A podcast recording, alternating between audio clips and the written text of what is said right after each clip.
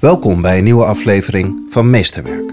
Een serie gesprekken over ontwikkelingen binnen het onderwijs. Nou, er is in eerste instantie een onderzoek gedaan onder ouders. Als er ooit een tienerschool zou komen, zou je dan je kind daar naartoe sturen? Daar is toen heel positief op gereageerd. In deze aflevering bezoek ik samen met Marij van den Steenhoven Academie 1014 in Almere. Dat je uiteindelijk altijd als leerkracht het beste voor een kind wil. Net zo goed als dat je dat als ouders wil. En dat is soms niet op jouw school. En dat is, uh, dat is wat het is. Op Academie 1014 ontmoeten het basis- en voortgezet onderwijs elkaar. Academie 1014 is ontstaan vanuit de visie dat leerlingen van verschillende leeftijden en niveaus gezamenlijk les krijgen om zo de kansengelijkheid en doorstroom naar het vervolgonderwijs zo optimaal mogelijk te benutten. Wij moeten wel de CITO-toets afnemen. Dat is opgenomen, daar, daar, moeten we gewoon aan voldoen. Alleen bij ons hangt er minder waarde aan. Het is een, een bevestiging van wat we eigenlijk al weten, want we volgen die kinderen elke dag in de klas. En we weten dus eigenlijk ook al wat ze kunnen. Mijn naam is Janja Bubeek. Mijn naam is Marije van den Steenhoven. Ik ben op bezoek bij Marieke. Academie 1014 Tijd voor jou en Marieke had tijd voor ons. Dit is Meesterwerk. Marieke, welkom in de podcast. Dankjewel. Wij zitten in Almere, Almere Poort. Samen met Marij van den Steenhoven zijn we bij jou op bezoek. Vertel even, waar zijn wij? Jullie zijn uh, in het gebouw van Poort Lyceum. En in het gebouw van Poort Lyceum zit Academie 1014, een school voor 10 tot 14-jarigen. Een zogenaamde tienerschool. Ja. Nou bestaat die nog niet zo lang. Nee. Even terug naar voordat die begon. Waarom moest deze school er komen? Ja, nou ik heb altijd gewerkt in het basisonderwijs en in het voortgezet onderwijs. Uh, dus in beide takken van sportervaring. Eigenlijk lopen we ook altijd al aan tegen die overgang. Kinderen, sommige kinderen hebben er heel erg baat bij, die, die gaan helemaal opbloeien. Maar er zijn kinderen waarvan je als juf van de basisschool, als in mijn geval als juf van de basisschool, dacht. Oeh, ik zou ze eigenlijk nog wel even een jaartje willen houden. Dat ze door kunnen groeien, zelfverzekerder zijn. Um, maar ja, ze hebben alle stof van de basisschool gehad. Dus wat ga ik ze bieden in groep 8? Een jaar dublure is niet de oplossing. Dus dan liet je ze toch gaan. En dan hoorde je achteraf ook dat het niet zo'n succesvol jaar was voor ze. Dat ze er last van hadden, dat ze uh, onzeker waren, dat ze zich niet konden, um, nou ja, neerzetten zoals ze dat eigenlijk graag zouden willen. En dat je ze eigenlijk ook niet meer goed terugherkent. En aan de andere kant had ik ook wel eens leerlingen waarvan ik dacht: wat doe je nog hier? Want je bent zo nieuwsgierig, je wil zoveel weten. Je zou eigenlijk toe zijn aan, aan extra stof die ik je niet kan bieden. Want ik ben geen expert op ieder vakgebied. En vanuit dat idee is 1014 ontstaan. En wij richten ons dus ook op die twee groepen kinderen. Neem maar mee. Nieuwe school. Je, je ziet die kinderen. Almere is een, uh, is een groeigemeente, dus daar is ook veel ruimte. Hoe is dit ontstaan dan? Ja, nou er is in eerste instantie, dat is nog voor mijn tijd, was er een, uh, een onderzoek gedaan onder ouders. Als er ooit een tienerschool zou komen, zou je dan je kind daar naartoe sturen? Daar is toen heel positief op gereageerd. Um, en dat was in het kader van de overgang van PO naar VO om dat te versoepelen. Vervolgens is dat uh, in de kast beland. Uh, is, is er niet zo heel veel mee gedaan. En toen kwam er vanuit de overheid de mogelijkheid voor subsidie voor tienerscholen. Die is toen aangevraagd, maar de eerste tranche hebben wij toen gemist. De tweede keer is het weer aangevraagd en toen uh, kon Almere wel starten. Ik hoorde daarvan. Ik was toen op dat moment teammanager van de onderbouw op Poort Lyceum. En um, heb toen aangegeven dat ik daar wel heel erg veel belangstelling voor had. Inmiddels is dat een samenwerking geworden tussen twee of drie schoolbesturen. Twee uh, uit het basisonderwijs, SKO en Prisma. En één vanuit het Baken. Uh, vanuit het voortgezet onderwijs dus, het Baken. Die drie schoolbesturen hebben nou ja, de handen ineen geslagen om dit op te gaan zetten. En daar mocht ik toen gaan pionieren. In eerste instantie echt als ontwikkelgroep met mensen uit beide stichtingen. Vervolgens eigenlijk al heel erg gericht door mensen aan te nemen. En ja, alles klaar te gaan maken voor de start van het schooljaar. En die drie besturen, die moeten zelf wel bedacht hebben van we gunnen dan een nieuwe plek onze leerlingen. Want ja. je raakt dus ook leerlingen kwijt in groep 7. Ja, we werken wel met inschrijfscholen.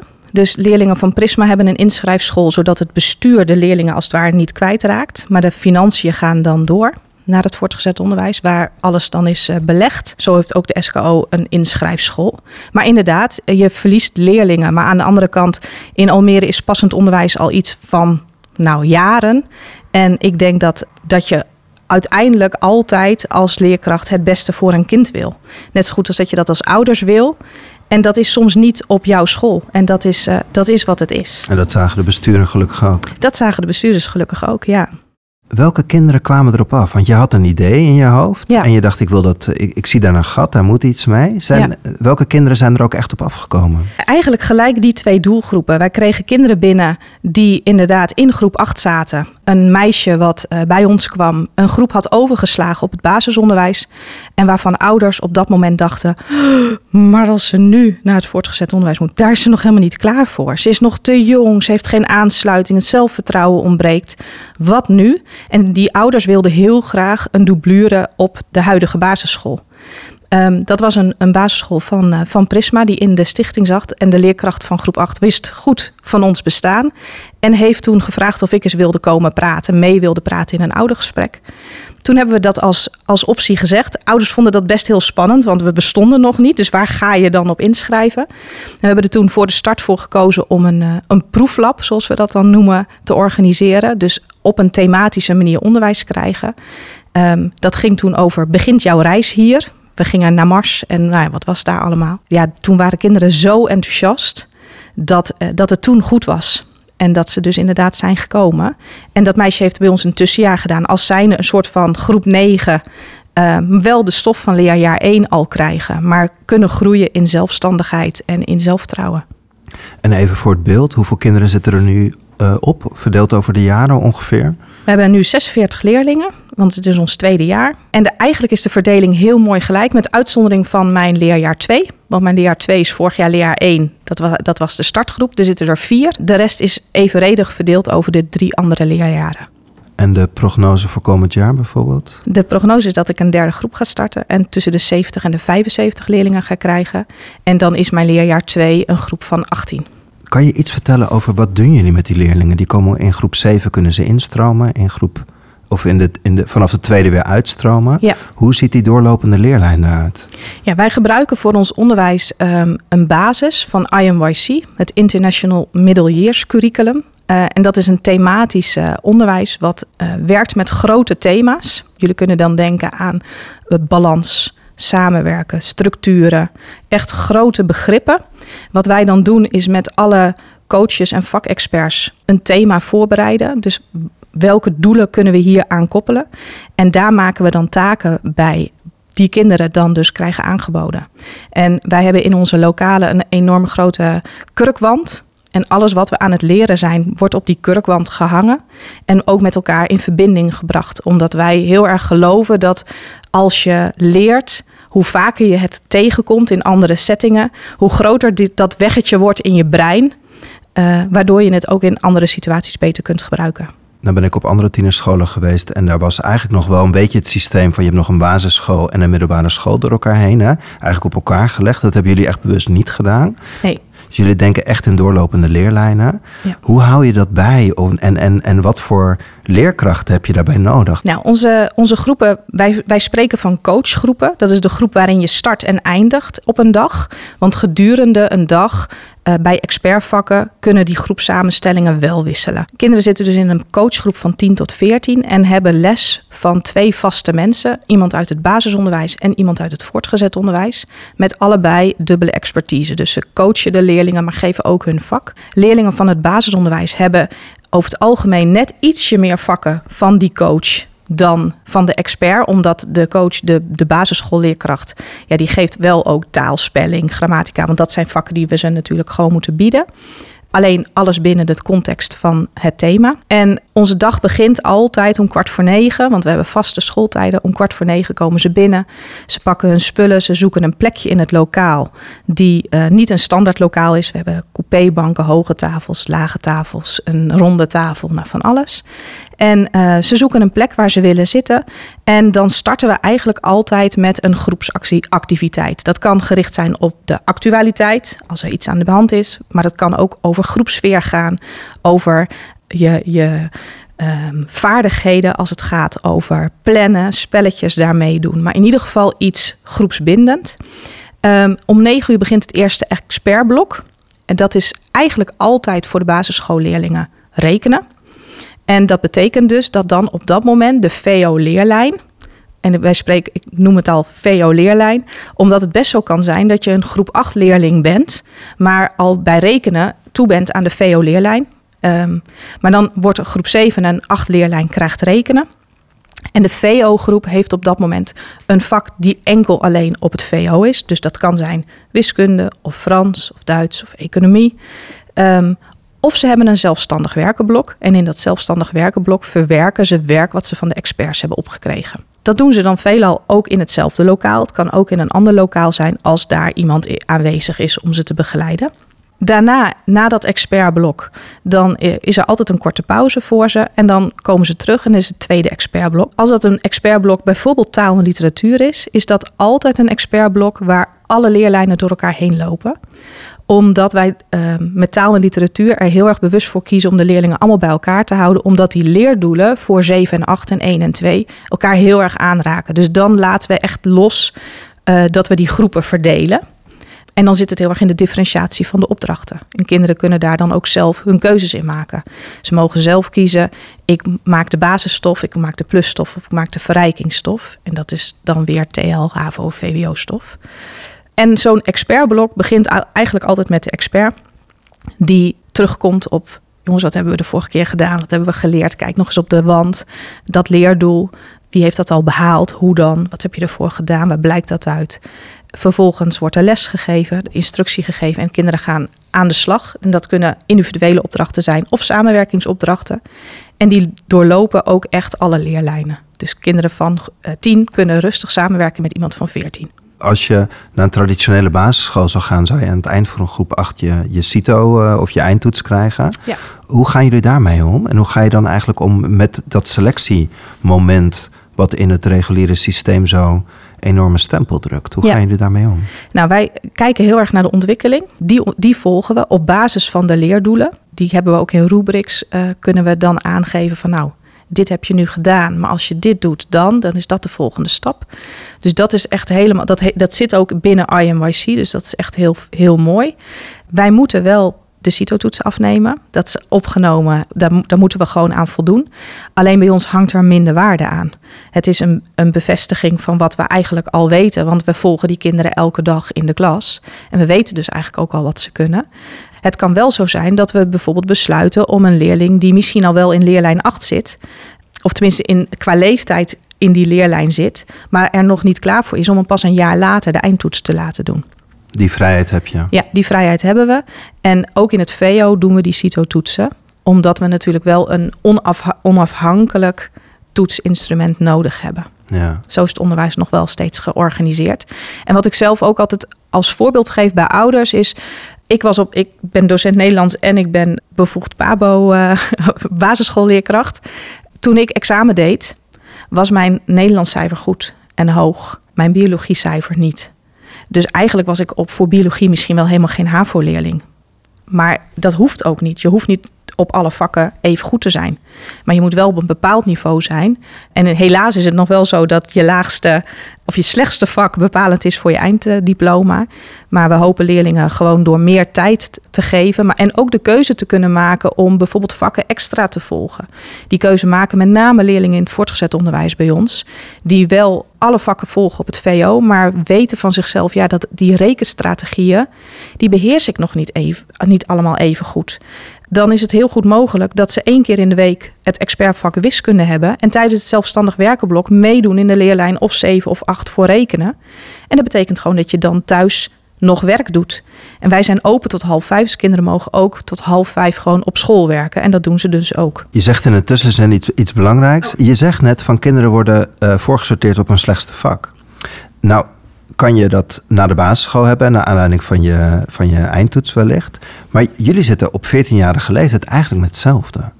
Waarom hebben jullie van 10 tot 14 gekozen en waarom eigenlijk niet van, van 0 tot 18 of van 10 tot 18? Want jullie moeten daarna toch weer selecteren. Ja. Hoe gaan jullie daarmee om? Nou, ultieme droom is wel dat het uiteindelijk wel uitgebouwd kan worden.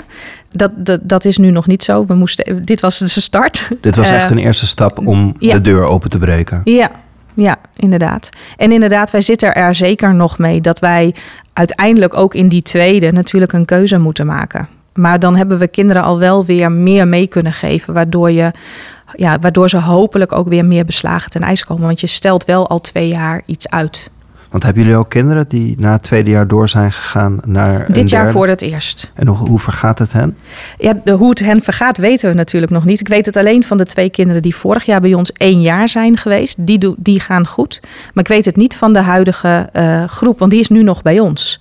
Ik weet hoe ze uit gaan stromen, maar hoe ze het volgend jaar gaan doen, zullen we moeten afwachten. Want eigenlijk ver- verleg je het keuzemoment en maakt die twee jaar dan zo'n groot verschil. Want dan zijn ze nog maar veertien. Ja, ja, ze zijn nog steeds maar 14 inderdaad. En toch zijn ze wel al verder dan dat ze waren. En omdat wij leerlingen echt coachen op waar ben je nou goed in? En hoe komt het? Wij zijn constant bezig met kinderen van dit heb je gedaan en wat betekent dat? In plaats van je hebt dit gedaan, het is een zes. Ze krijgen bij ons geen cijfers, ze krijgen feedback. En daarover ga je met ze in gesprek. En hoe komt het dan? Je hebt woordjes eh, geleerd en je had een tien. Hoe komt dat? Wat heb je daarvoor gedaan? Ja, niks. Ik had er gewoon, ik had gewoon tien, wist gewoon. Eh, Oké, dan, dan weet je dat dus. Maar als je een 2 hebt, maar je hebt er ook niks voor gedaan. Die 2 die zie je bij ons nergens meer staan. Want het gaat om het doel van die woordjes leren. En daarover gaan we het gesprek aan. En daarover eh, bieden we ze om, handvatten om verder te gaan. Want dat vind ik wel mooi dat je zegt. Je zegt, als je een 10 hebt, hè, dan nou ja, dat weet ik gewoon. Of een 2, wat, wat, waar ging het mis? Geven jullie überhaupt geen cijfers meer en alleen nog maar feedback, feedforward? Ja, alleen maar feedback en feedforward. We gebruiken wel cijfers om dit soort gesprekken te voeren. Ja, want ik merk dat het soms, we zitten zo in het systeem van cijfers geven. Dat snappen we allemaal op die eh, schaal van 1 tot 10. Dan weet je ongeveer hoe je het gedaan hebt. Hoe kom je, daar, hoe kom je daarvan af dat je niet meer over cijfers hoeft te praten? Door eh, leerdoelgericht te gaan werken. Dus wij ehm, stellen de leerdoelen vast die bij een bepaald thema horen. Ehm, en die leerdoelen behaal je op een bepaalde mate of in een bepaalde mate. Daar, daar vinden kinderen zelf ook iets van. En kinderen kunnen zelf heel goed aangeven ehm, of het terecht is dat ze eh, een groepscijfer, dat een groepsbeoordeling oké is. En eh, daar heb je natuurlijk talloze manieren voor. En ouders, kunnen die ook zonder cijfers? Nou, dat, dat is, blijft het de eeuwige, tenminste, dat blijft het eeuwige gesprek. Sommige ouders vinden het lastig. En uh, die willen dan toch wel heel graag weten, maar is het dan een 7 of een 8? Ja. Of uh, is het dan HAVO of VWO? Uh, wij geven ook tussentijds niet een advies. niet, niet een niveauindicatie. Omdat we zeggen, we kijken naar het proces. We kijken naar de ontwikkellijn. En uh, natuurlijk hebben we die gesprekken wel. En, we weten, en kinderen weten zelf waar ze naartoe willen en wat daar dan voor nodig is. Maar we proberen in ieder geval dat gesprek elke keer uit te stellen. En dan ben ik eigenlijk heel nieuwsgierig. Wat heb je dan als leerkracht of leraar, docent? Ik weet niet precies welke coach gebruiken Ja, we gebruiken als coach term. en expert. Ja. Wat heb je nodig als coach om ook uit die cijfercultuur te komen? Zicht op de leerlijn en expertise in je vak. Uh, je niet meer willen laten leiden door een methode die heeft bepaald wat het belangrijkste is. Je hebt er vier jaar voor geleerd. Je weet wat je kinderen wil meegeven en wat belangrijk is. En daar gaan wij vanuit. En toch ga je uit van vak en je gaat niet uit van de brede ontwikkeling van het kind. Ja, we gaan, wij, wij zoeken constante samenwerking tussen vakken. Dus er zijn ook gecombineerde opdrachten. Dus kunst en cultuur die samenwerkt met mensen en natuur bijvoorbeeld. Um, een heel goed voorbeeld was bij het thema balans. Daar zijn we begonnen met een acrobaat. En die uh, ging met ons allerlei dingetjes doen. En vervolgens hebben we daar foto's van gemaakt. En met mensen en natuur ga je dan vervolgens kijken... wat is er nou nodig om... hoeveel snelheid heb je nodig om uiteindelijk die salto te kunnen maken bijvoorbeeld. Of uh, wat is je, uh, je, je evenwichtspunt. Dat je dat ook kunt berekenen. En dat je dan daardoor misschien wel die beweging wel kunt maken. Nou, en met kunst en cultuur ga je vervolgens weer kijken naar beweging in schilderijen of in kunst. Hoe kun je nou in een standbeeld of in een schilderij beweging uitdrukken? Dus het heeft constant wel met elkaar te maken. Ik ben even benieuwd dan, even, even doorgaan op die leraar. Aan de voorkant, het, het kind stroomt in groep 7 of groep 8, dat maakt eigenlijk niet uit en krijgt een doorlopende leerlijn. Mm -hmm. Hoe doe je het aan de achterkant? Want je begon net met, ik heb een basisschoolleerkracht en een VO-leerkracht en, en die combinatie hebben. Hoe hebben jullie dit aan de achterkant ingericht dat het ook uh, dat het klopt. Ja, wij, uh, hier is ervoor gekozen door de drie besturen om uh, de aanstellingen allemaal bij het voortgezet onderwijs neer te zetten. Dus als je bij ons komt werken, krijg je een bakenaanstelling in dit geval. En dat is een aanstelling voor het voortgezet onderwijs. Wat belangrijk is, is dat je aantoonbaar dubbele expertise hebt. Omdat wij alles wat we doen, doen we in het primaire proces. Dus daarbuiten, ik heb geen IB'er, ik heb geen remedial teacher, uh, wat dan ook. Omdat wij best ook leerlingen binnenkrijgen die soms op hun huidige basisschool, nou niet altijd makkelijk waren, waar het moeizaam ging, die bepaald gedrag vertoonden. Daar investeer ik niet in. Je komt hier omdat je zelf weet, ik wil iets leren. En wij kunnen je daarbij helpen binnen uh, onze eigen expertises en daarbuiten kunnen we het niet. Dus dat communiceer ik ook heel duidelijk met ouders. En wat je gewoon ziet is dat leerlingen, omdat ze les krijgen van experts, zeker als je kijkt naar die basisschoolkinderen, die krijgen zo'n enorme bak aan informatie en meer kennis over een vak dan dat je als leerkracht van het basisonderwijs enkel hebt, omdat je nu les hebt van een vakexpert. En hoe kom je dan aan leerkrachten die, die dat hebben, die die dubbele bevoegdheid hebben of die dat willen halen? Of? Uh, nou ja, door te werven. En daarnaast werk ik samen met het Teachers College. Dus er komen studenten bij mij die ook veelal twee expertises halen. Uh, die dus zowel PABO bevoegd als een vakbevoegdheid halen. En dat, dat is natuurlijk heel waardevol. Ja, Teacher College is een, van Windesheim. Hè. Ja. kan je een combinatie van PO, VO doen, tweede graads bevoegd en primair bevoegd. En zij, zij halen dan een dubbele bevoegdheid. Ja. Het klinkt heel mooi. Waar schuurt het? nou, daar waar gewerkt wordt, schuurt het natuurlijk altijd. Waar het schuurt is inderdaad wat als een leerling bij ons alle leerdoelen van leer 2 heeft gehaald en nog steeds zo jong is. Ja, wat doen we dan? Die, die discussie blijft natuurlijk. Dat, dat, uh, uh, en wat blijft een uitdaging. Nou ja, uh, toch afgaan op onze eigen expertise. En in dit geval is dit een leerling waarvan wij zeggen, ja, die moet echt uitstromen naar 3 HAVO-VWO. ondanks dat hij jong is. Eerder dan gepland of? Uh... Eigenlijk een jaar eerder. Ja, een jaar jonger. Maar wij denken wel dat we hem zoveel mee hebben gegeven dat hij dat volgend jaar goed gaat doen. En dat is dus spannend. Of dat volgend jaar ook zo blijft. Waar het ook schuurt is omdat je, uh, je werkt met coaches op de groep. Maar al mijn experts hebben maar een bevoegdheid van 0, of tenminste een aanstelling van 0,1. Dat betekent op het moment dat er wiskunde op maandag is, dat ik de wiskunde-expert de rest van de week niet heb. Als een leerling vastloopt, is dat dus best ingewikkeld. Nou heb ik het geluk dat ik binnen een voortgezet onderwijsschool werk en mijn wiskunde-expert ook op in de school is. Dus in geval van nood kan ik die nog wel eens eventjes erbij roepen. Maar dat kan niet altijd. Ik heb ook experts die niet binnen mijn school werken of binnen poort werken. Uh, dan wordt het dus lastiger. En ook zorg maar eens dat je de verbondenheid blijft voelen met je, al je teamleden. Als je niet iedereen tegelijkertijd op school hebt. Hey, en als jij nu uh, gebeld wordt door uh, de nieuwe coalitie die zeggen we hebben een minister van Onderwijs nodig. Aan welke knoppen ga je dan draaien? Want ik heb het gevoel dat je, je bent het systeem aan het hacken.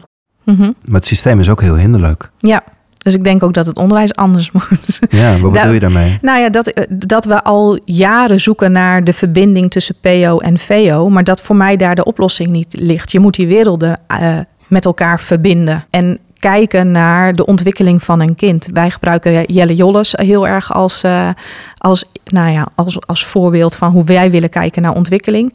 Maar we hebben natuurlijk um, de ontwikkeling gehad van kleuterschool en basis en, en uh, de lagere school naar basisschool. En dan kijken we bij kleuters, die zetten we in een groep 0, 1, 2, omdat ze zulke sprongen maken in hun ontwikkeling.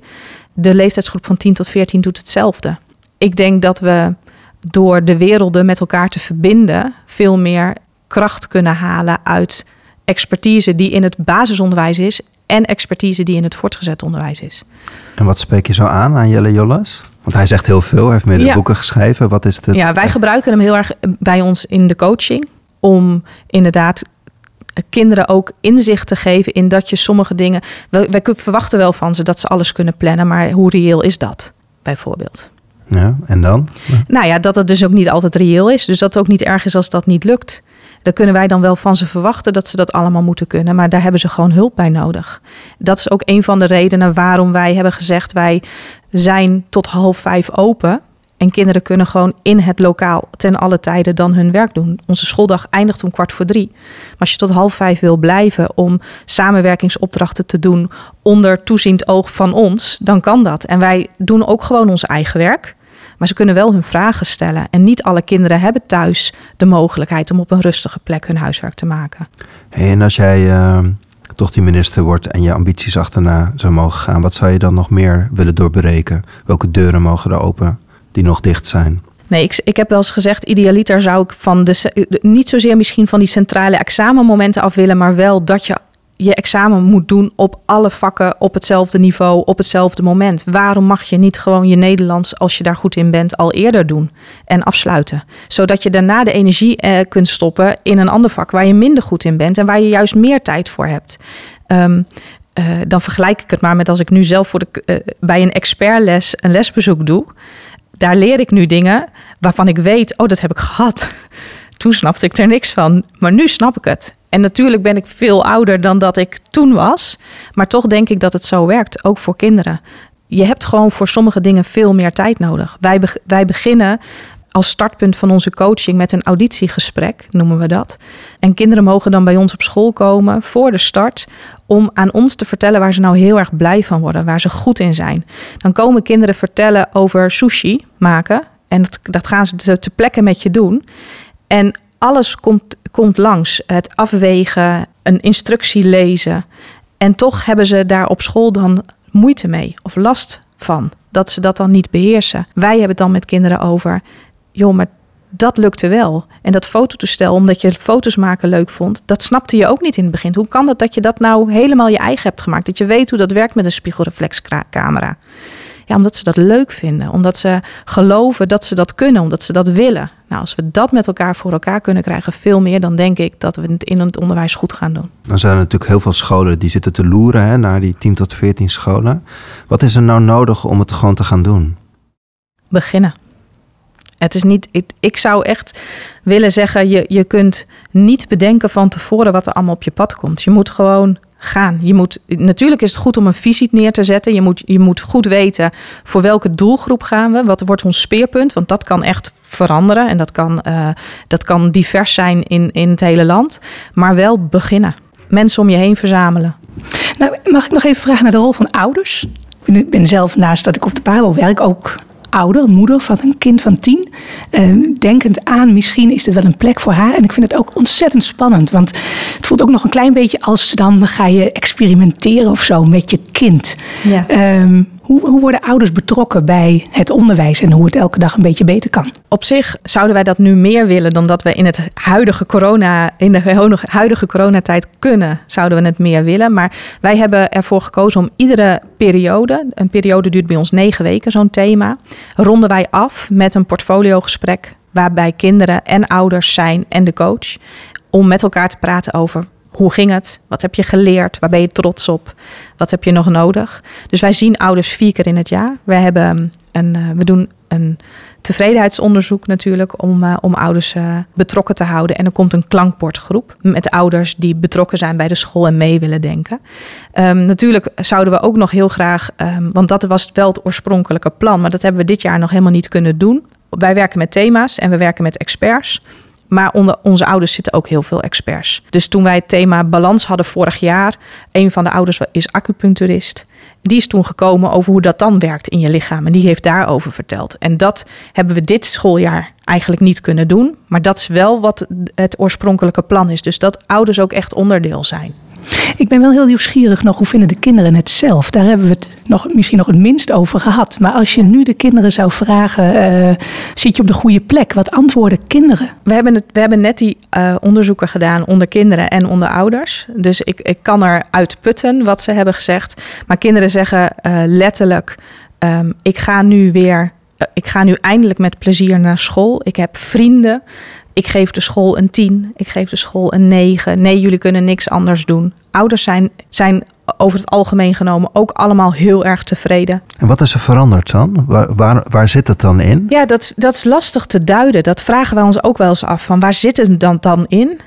Wij denken dat, dat het voor een heel groot deel zit in de sfeer die we met elkaar neerzetten natuurlijk. Ja, je mag echt jezelf zijn bij ons is het niet gek als je op je, op je sokken door de school heen loopt. Want we hebben zo'n heel lekker kleed in de klas. En ja, dat is veel lekkerder om daar op je sokken te zitten.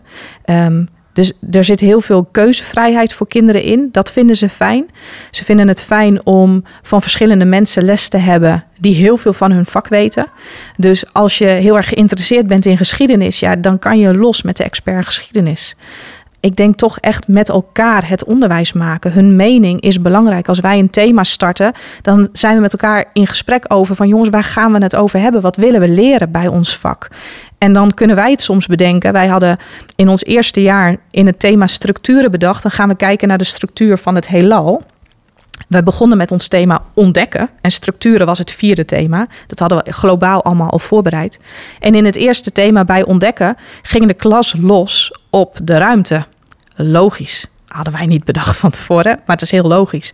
Ja, dan gaan we natuurlijk niet zeggen, jongens, dat komt bij structuren. Nee, dan gaan we dat dus nu doen. Want dit is wat jullie willen weten. Op die onderwijsmuur die wij in onze klasse hebben, kunnen ze ook vragen plakken voor de, voor de expert. Als ze dat tussendoor bedenken. En dan gaan we ook naar de sterrenwacht. Uh, want ja, dan moet je natuurlijk ook in de, echt gaan zien hoe dat er dan uitziet.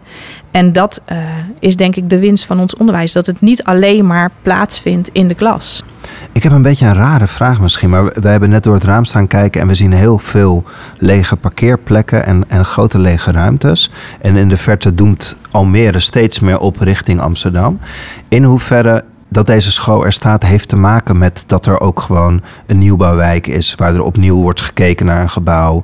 Waar er opnieuw wordt gekeken naar de ruimte. In hoeverre is dat aan elkaar verbonden? Ik denk dat het het makkelijker maakt om in om iets nieuws neer te zetten dan een bestaande situatie te veranderen. Dat, dat is nou eenmaal zo, want dan moet, moet de mindset van iedereen veranderen. En hier, omdat we nieuw zijn gestart, kun je gelijk werven voor wat je zoekt. En dat is natuurlijk winst. Aan de andere kant is het wel zo dat mensen die nu ook op poort werken, ook bij mij werken. En daar vindt ook weer uh, zo'n zo bevruchting plaats, zeg maar, van elkaar. Waardoor je ook weer heel erg van elkaar leert. Nee, en in den landen ontstaan nu heel veel 10, 14 initiatieven. En dat zijn niet allemaal nieuwbouwwijken. Of, uh, nee. nee. Dus sommigen doen dat ook vanuit een bestaande setting. Maar dat is wel, denk ik, een grotere uitdaging. Nou, mag ik je dan ontzettend danken voor je voor de, voor de welkomheid dat wij hier mogen kijken. En we zijn eh, even expres de klas niet ingegaan, misschien voor de luisteraar. Waarom heb je geen kinderen gevraagd? Want ze zaten lekker in de les en we wilden ze ook niet storen. Dank je wel. Ja, graag dank. Ja. Voor het mooie verhaal. Graag gedaan.